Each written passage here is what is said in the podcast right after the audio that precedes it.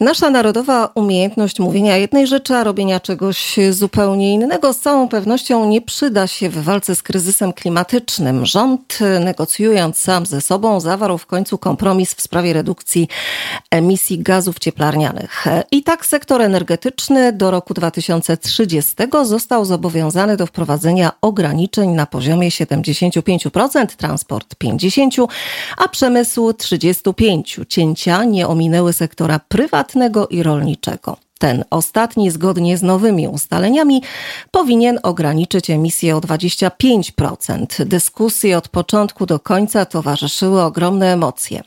Dlaczego ostateczne decyzje zapadły przed wakacyjną przerwą? Ano dlatego, że przeniesienie debaty na wrzesień groziło radykalizacją postaw zwłaszcza rolników i organizacji pozarządowych zajmujących się ochroną środowiska. Drodzy Państwo, redukcja krajowego stada mlecznego wydaje się zatem przesądzona, jednak w trosce o zdrowie psychiczne rolników ograniczenia będą miały charakter dobrowolny, a nie obowiązkowy, przynajmniej na razie. Dokładnie 100 lat temu Zieloni mieli podobny pro problem, choć nie był on motywowany zmianami klimatu. W tamtym czasie irlandzcy nacjonaliści żądali likwidacji farm bydła, chcąc powstrzymać masową emigrację. Panowało przekonanie, że wyspę opuszczają ci, którzy nie mają dostępu do gruntów rolnych. Bydło, jak widać od początku istnienia państwa, było kością politycznej niezgody na drodze do tak zwanego zrównoważonego rozwoju. U podstaw konfliktu o naturę i cele rolnicze leżał problem żywieniowy mięso kontra rośliny, który mimo upływu dekad wciąż pozostaje aktualny.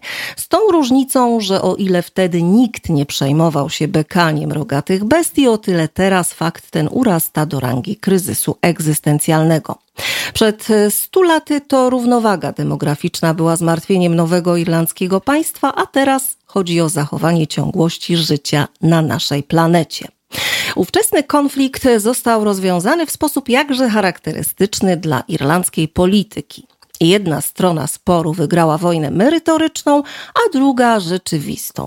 Narracja formalnie pozostała antyfarmerska, albowiem wszystko w zaszyfrowany sposób zapisano w artykule 45 irlandzkiej konstytucji, zachowując idealną równowagę między pobożnym życzeniem a całkowitym brakiem realnego rezultatu.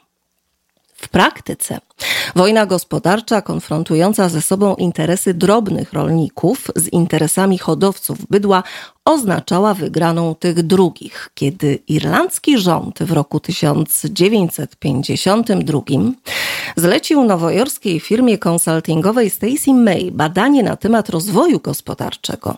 Opublikowany raport zaczynał się od słów: W irlandzkiej gospodarce króluje bydło.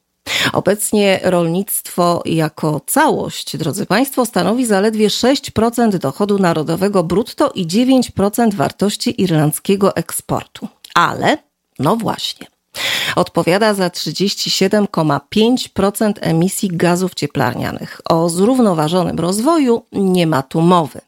Uprawa ziemi przyjazna dla klimatu kurczy się z roku na rok.